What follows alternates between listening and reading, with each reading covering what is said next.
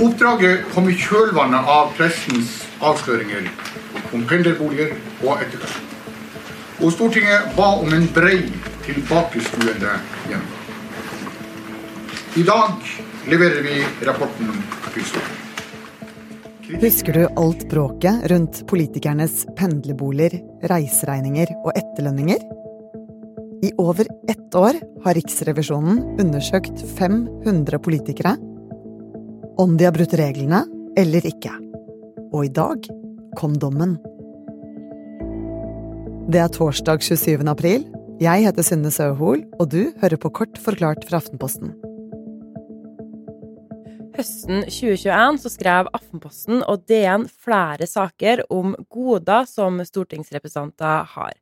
Det handla om politikere som hadde fått goder de ikke hadde krav på, eller at de ikke hadde fulgt reglene rundt seg godene her, da. I januar i fjor startet Riksrevisjonen med å granske alt dette. Og i rapporten kommer de med den sterkeste kritikken som er mulig. De filleristet Stortingets håndtering av reiseregninger, pendlerboliger og etterlønninger. Sigrid Gausen, du er politisk journalist her i Aftenposten. Hva er det denne kritikken handler om? Politikerne kan få lønn når de er ferdig som folkevalgt på Stortinget. Først i tre måneder, og det kalles fratredelsesytelse. Og så eh, i tolv måneder etter det, hvis de søker om det, eh, og de ikke har fått jobb eller driver med studier eller lignende. Eh, og så har de sett på pendlerboliger, fordi folk blir jo valgt inn fra hele landet. Og hvis du bor langt nok unna Stortinget, så får du bo i en eh, egen leilighet i Oslo helt eh, gratis.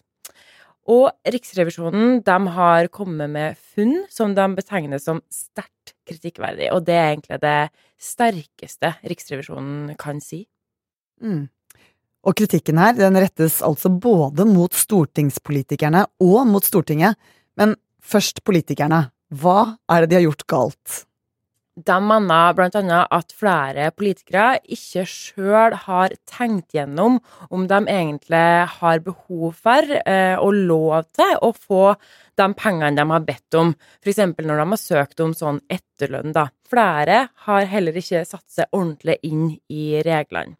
Og så har flere politikere ikke sagt ifra når de har fått lønn fra andre plasser, samtidig som de har fått et lønn fra Stortinget. Det er jo litt eh, forskjell i beløpene her. Noen har jo f.eks. fått eh, 500 000 kroner for, som de ikke skulle hatt, mens andre har eh, mottatt noen hundrelapper for mye.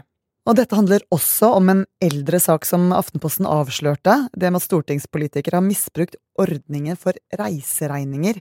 Hva ble konklusjonen her? Her så nevner jo Riksrevisjonen de eh, to representantene som har tukla med reiseregninger, som Aftenposten har eh, avslørt og skrevet mye om. Og de skriver òg at det er en stor risiko for at regelverket på dette området ikke etterleves. Men her er de òg veldig opptatt av at eh, Stortingets administrasjon ikke har vært god nok til å kontrollere de her reiseregningene.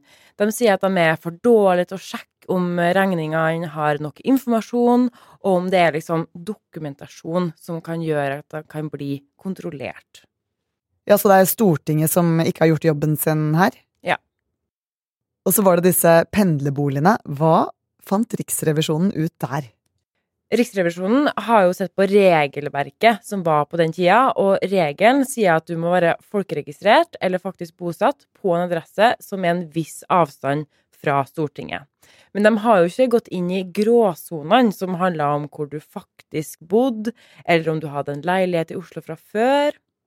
Så Kjell Ingolf Ropstad, som var folkeregistrert på gutterommet, han brøt ingen regler, sånn som Riksrevisjonen ser det, sjøl om han bodde i Oslo med kone og barn.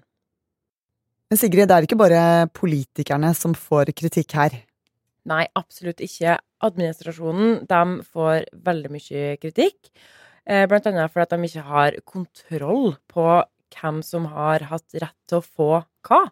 Og de har heller ikke sjekka om de som fikk penger, snakka sant. Riksrevisoren fillerista virkelig de økonomiske ordningene på Stortinget, og han mener at eh, Norges nasjonalforsamling ikke har hatt orden i eget hus. Kommer denne rapporten til å få konsekvenser? Ja, de kommer til å kreve tilbake betaling fra dem som har eh, fått for mye. Og dette er jo bare ett av flere kontrollorgan som har vært inn i saken og kritisert Stortingets ordninger, så det har allerede kommet på plass eh, flere tiltak som skal gjøre at de skal få litt mer kontroll på Stortinget. Og det er òg flere parti som nå tar til orde for at man faktisk skal skrote hele ordninga med etterlønn.